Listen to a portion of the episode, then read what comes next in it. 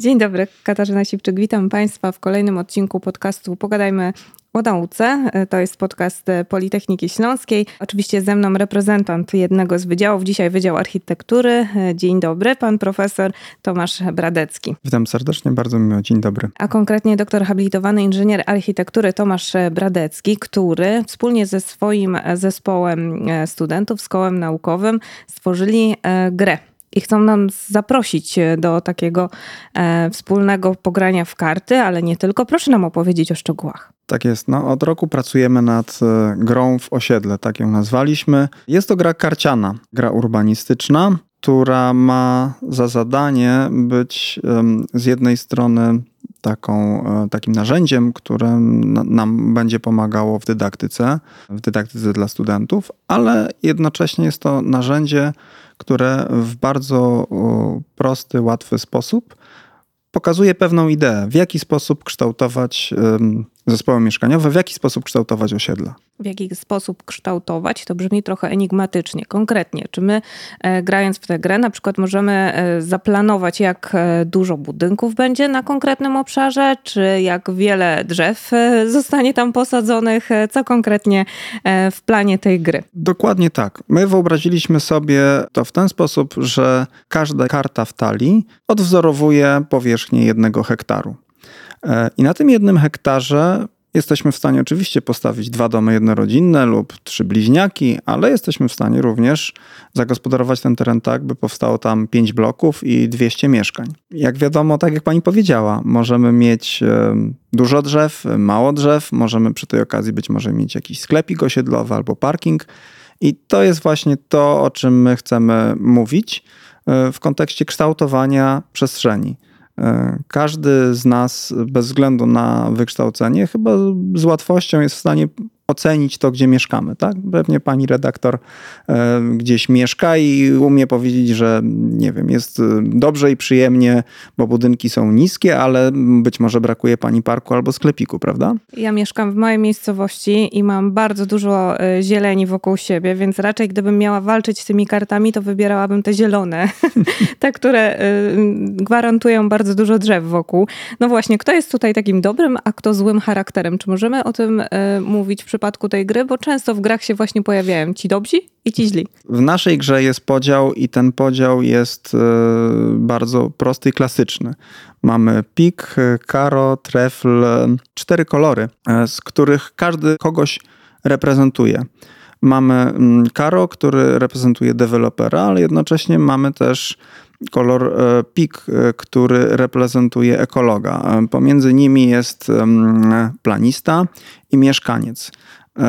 Ja nie chciałbym w żaden sposób powiedzieć, że któryś z nich jest zły albo dobry. No, ekolog od razu nasuwa się y, dobre skojarzenia, natomiast deweloper tutaj może być jakiś szemrany interes. ale czy na pewno?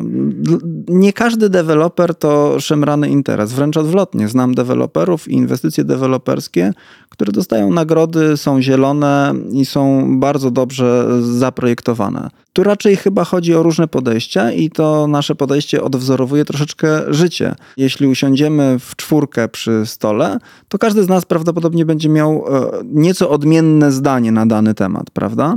I tak samo jest w życiu. Deweloper z siłą rzeczy chce wybudować jak najwięcej mieszkań, chce zrealizować dobre osiedle, ale jednocześnie sukces biznesowy. Ekolog chce zaproponować jak najwięcej terenów zieleni, biologicznie czynnych, chroniąc gatunki. Podczas gdy planista i mieszkaniec prawdopodobnie będą chcieli gdzieś zrównoważyć to, e, zrealizować pewną ilość mieszkań, zapewnić komunikację publiczną, zapewnić być może mały park, ale jakiś mały sklepik osiedlowy, świetlicę lub cokolwiek innego. I Dlatego właśnie te cztery kolory, one reprezentują różne podejście, na, a każdy z nich na każdej jednej karcie to jest różne y, zagospodarowanie terenu jednego hektara. To może od początku opowiedzmy o przebiegu gry. Y, kto może grać, y, kto może się wcierać w różne role i jaki jest cel, ten cel ostateczny? Czy ja coś wygrywam, czy ja po prostu mogę sobie zaprojektować swoje osiedle marzeń? Ja myślę, że każdy z nas chce zaprojektować nasze osiedle marzeń i to jest taki cel, może nie ostateczny, ale dla nas wszystkich oczywisty. Gra została zaprojektowana w taki sposób, y, żeby była adresowana do wszystkich. udaje nam się realizować e, warsztaty z dziećmi i młodzieżą na poziomie powiedzmy podstawowym i wstępnym i do tego wykorzystujemy te gry najprostsze, bo to, że stworzyliśmy talię kart, nie oznacza, że mamy tylko jedną grę. Tych gier mamy kilka, a w tej chwili już nawet kilkanaście, tak? Mamy serię gier dla dzieci, w których my chcemy przekazać coś w sposób prosty. Nie wiem, czy pani redaktor kojarzy grę w wojnę. Gra pani redaktor kiedyś w wojnę? Bardzo prosta. Bardzo gra. prosta gra. Losujemy karty, kto ma niższą, wyższą figurę, ten wygrywa, tak? Tutaj e, pojawiła się taka e, informacja w materiałach prasowych i zastanawiałam się, czy ja, e, matka siedmiolatka ze swoim synem, mogłabym w to też zagrać, bo jeżeli to jest na zasadzie wojny, no to sobie poradzimy. Ale w tym momencie znowu pytanie, kto wygrywa? Jaka karta z jaką wygrywa? No a gdybyśmy na przykład umówili się, że będziemy grali w wojnę wskaźników i pani redaktor wybiera jeden ze wskaźników, nie może być ekologiczny, liczba drzew, tak? Niekoniecznie wtedy najwyższa karta będzie wygrywała, tylko ta, która ma wskaźnik ilości drzew na danym hektarze, tak? Więc... Na wskaźniki e, gra się też w Pokémony. Nie wiem, czy pan wie, panie profesorze. No, ja to, już tutaj to... w dzieciowych grach jestem ekspertką, natomiast e, tutaj widzę, że e, tu nie chodzi tylko o zwyczajne wskaźniki, tylko tu jest cel wyższy, bo jednak możemy też edukować przez tak. tę grę. Jest tu zaszyty cel wyższy. Między innymi są tutaj takie wskaźniki jak ilość kondygnacji. To jest jeszcze dosyć oczywiste. Ale intensywność zabudowy już może niekoniecznie dla wszystkich, tak? Więc y, jeżeli my mówimy o kształceniu na przykład studentów na zajęciach w zakresie y, wskaźników urbanistycznych, szeroko rozumianych, udziału powierzchni biologicznie czynnej, intensywności zabudowy, to te karty również posiadają takie walory i jesteśmy w stanie grać również z uczestnikami, graczami, którzy będą troszeczkę starsi, czy wręcz nawet realizujemy te gry na poziomie mm, akademickim, gdzie gramy ze studentami. Najpierw e, być może wojnę po to, żeby zapoznać się z tymi kartami, ale każda z tych kart jest jednocześnie odniesieniem do modelu 3D, który można sobie pobrać. Mamy talię 2D i talię 3D. Warto powiedzieć, bo słuchacze teraz tego nie widzą, że każda z kart ma kod QR. Tak, i ten kod QR um, pozwala nam przenieść się i do danego modelu i go eksplorować z wykorzystaniem telefonu komórkowego. Y, nie potrzeba do tego żadnej aplikacji, można sobie te modele oglądać. W wariancie edukacji akademickiej na zajęciach realizujemy prototypy osiedli. Studenci używają talii 2D do tego, żeby sobie ułożyć plan osiedla, jednocześnie e, pobierają modele i są w stanie to samo osiedle wybudować w cudzysłowiu w 3D z użyciem właściwego oprogramowania i eksplorować to osiedle no niemalże w czasie rzeczywistym. I to jest chyba taka największa siła tej gry, że ona ma wiele różnych możliwości zastosowań. Czyli e, przed wykonaniem kolejnego ruchu gracz może sobie zobaczyć, jak to się skończy e, w formie wizualizacji również? Na dłuższą metę tak. W tym wariancie mocno zaawansowanym, kiedy testujemy to ze studentami architektury, tak, przetestowaliśmy to w ten sposób. Y, może nie jest to jeszcze optymalne, e, ale tak, żeby działało zupełnie sprawnie, ale już nam się to udawało. E, mówiliśmy jeszcze o tym e, przebiegu, natomiast gdzieś tam te wątki nam uciekły. E, mhm. Wrócę jeszcze raz do tego, że mamy talię kart. Możemy z młodszymi zagrać rzeczywiście w wojnę, natomiast ci starsi mieszkańcy, którzy też chcieliby sięgnąć po te karty, co tak naprawdę mogą osiągnąć poprzez grę? Co jest tym celem jeszcze samym w sobie, oprócz tego elementu edukacyjnego, że my się dowiadujemy, że można mieć więcej zieleni, może też to, ile kondygnacji ma budynek, to też wpływa na jakość mieszkania mieszkania. Co, czego jeszcze nas uczy ta gra? W moim przekonaniu te cztery różne kolory pokazują cztery różne podejścia i mm, dla młodzieży, czy też dla dorosłych, e, Zastosowanie tej gry może być e, choćby w warsztatach partycypacyjnych.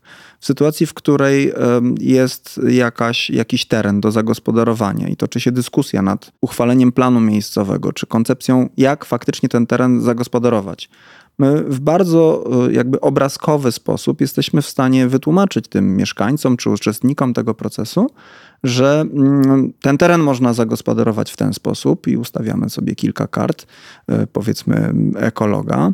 E, no i oni w bardzo prosty sposób, patrząc na plany, na te wskaźniki, będą w stanie powiedzieć, nie, nie, my, my nie chcemy tylko jezior, rzeki, zieleni, my potrzebujemy też sklepu, przedszkola lub czegoś innego, tak?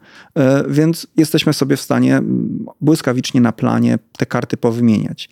I wydaje mi się, że to jest jakiś taki przyczynek do, do, do głosu w dyskusji na temat, jak zagospodarować przestrzeń. Czyli budowanie świadomości również tutaj wchodzi w grę.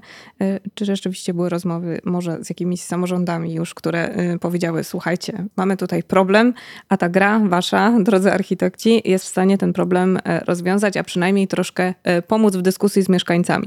O ile mi wiadomo, taka próba już była. Karty przekazałem Przemysławowi Jedleckiemu z Gazety Wyborczej, który jest pasjonatem ogólnie tych tematów przestrzennych, architektoniczno-urbanistycznych i dużo o tym pisze.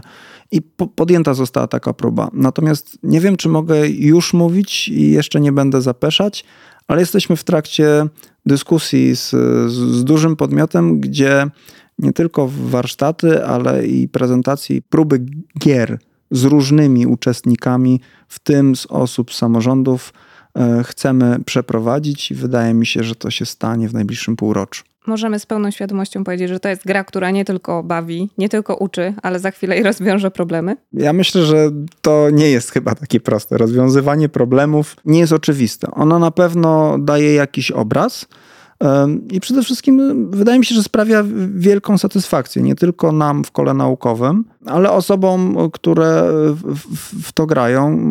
Muszę się nieskromnie pochwalić, ale wysłaliśmy tę grę do kilkunastu uczelni w Europie, a także w Stanach Zjednoczonych, zaprzyjaźnionych uczelni, z zapytaniem: Słuchajcie, mamy takie coś.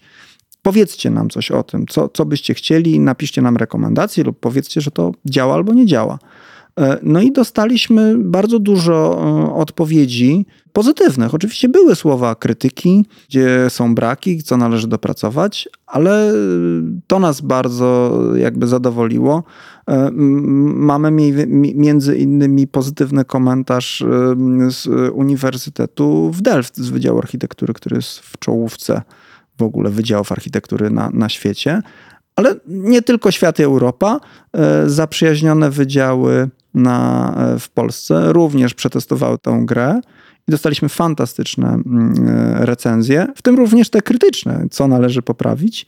No i wydaje mi się, że jesteśmy na tej drodze, w której będziemy wprowadzali te poprawki. Nauka przez edukację to jest e, przyszłość, kiedy troszeczkę tak w formie rozrywkowej czasem podchodzimy do, do nauczania czegoś nowego. Wydaje mi, mi się, że tak. Ja się cały czas śmieję, że słuchajcie, po raz pierwszy mogę iść zupełnie legalnie na zajęcia po to, żeby sobie pograć w karty. To taki żart. Ale mm, tak, e, tak poważnie mm, ja nauczam, e, specjalizuję się w projektowaniu zabudowy mieszkaniowej i tego uczę. I zrobiliśmy taką, e, taki quiz po grach ze studentami z, z całym rokiem, w którym zadali, zadałem pytanie, czy ta gra była przydatna w zrozumieniu wskaźników urbanistycznych, bo wykład wykładem, dyskusja dyskusją, ale jednak dobrze było, żeby studenci to zrozumieli.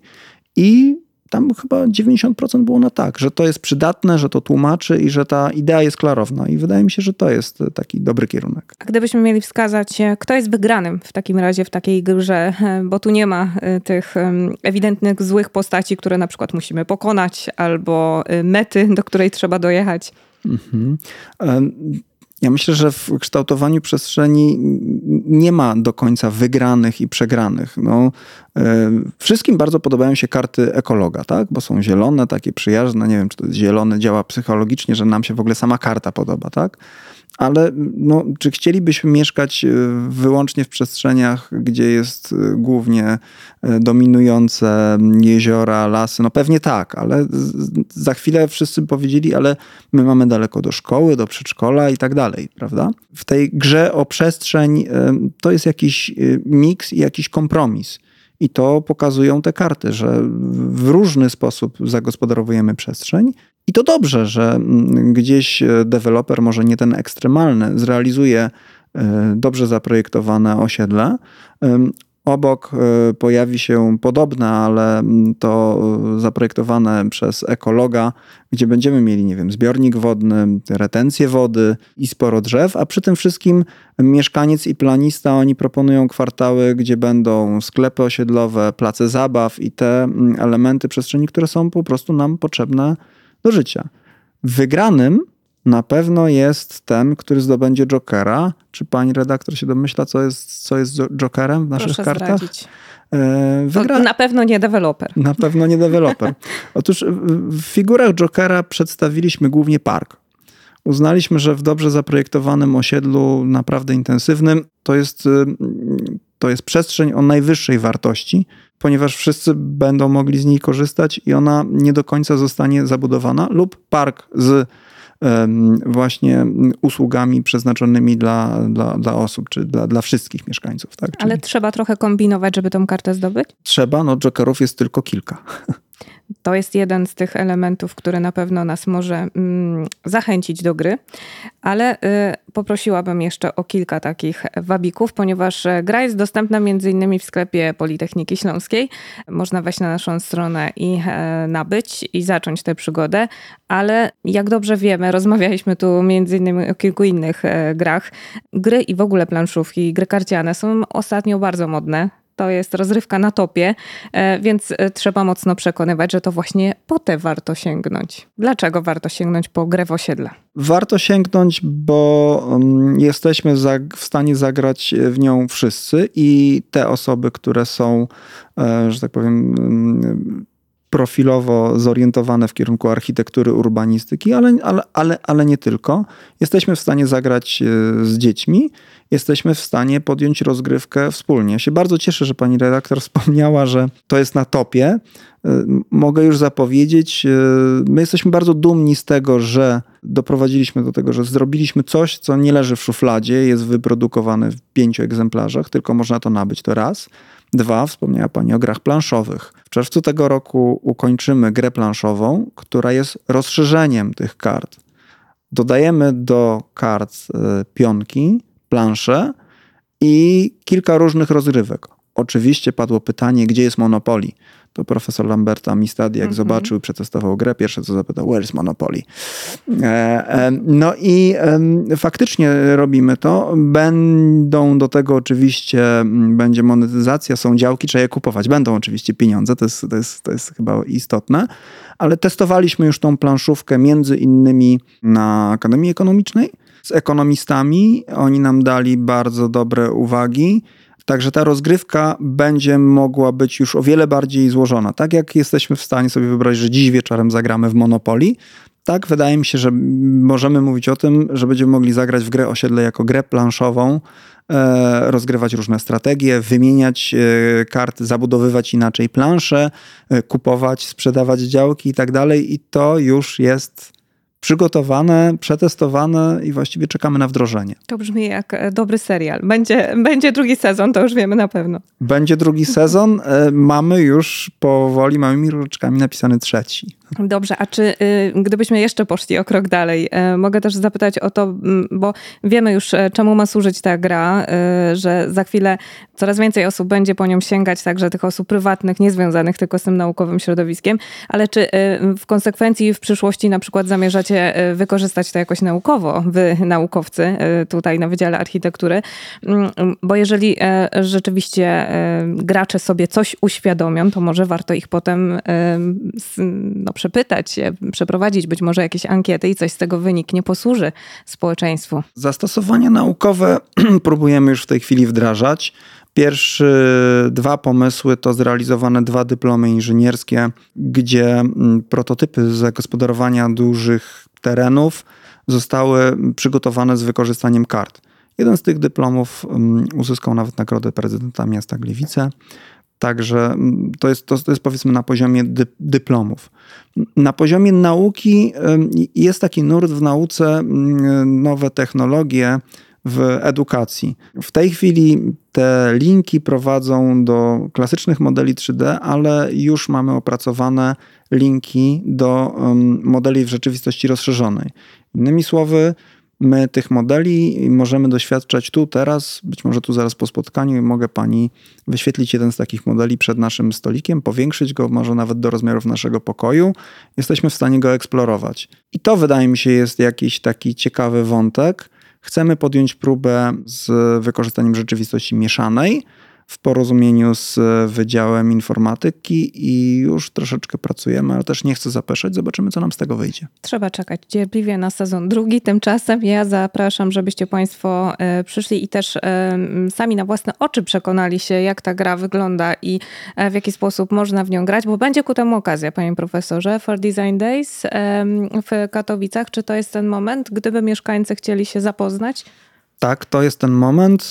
Y, For Design Days to cykliczna impreza doroczna, podczas której design, architektura się przeplatają. Y, jest tam mnóstwo wykładów, ciekawych prezentacji oraz wystawców. Ja osobiście organizuję jeden z paneli, y, w którym bierze udział kilka znamienitych i projektantów, i osób ze środowiska architektoniczno-urbanistycznego.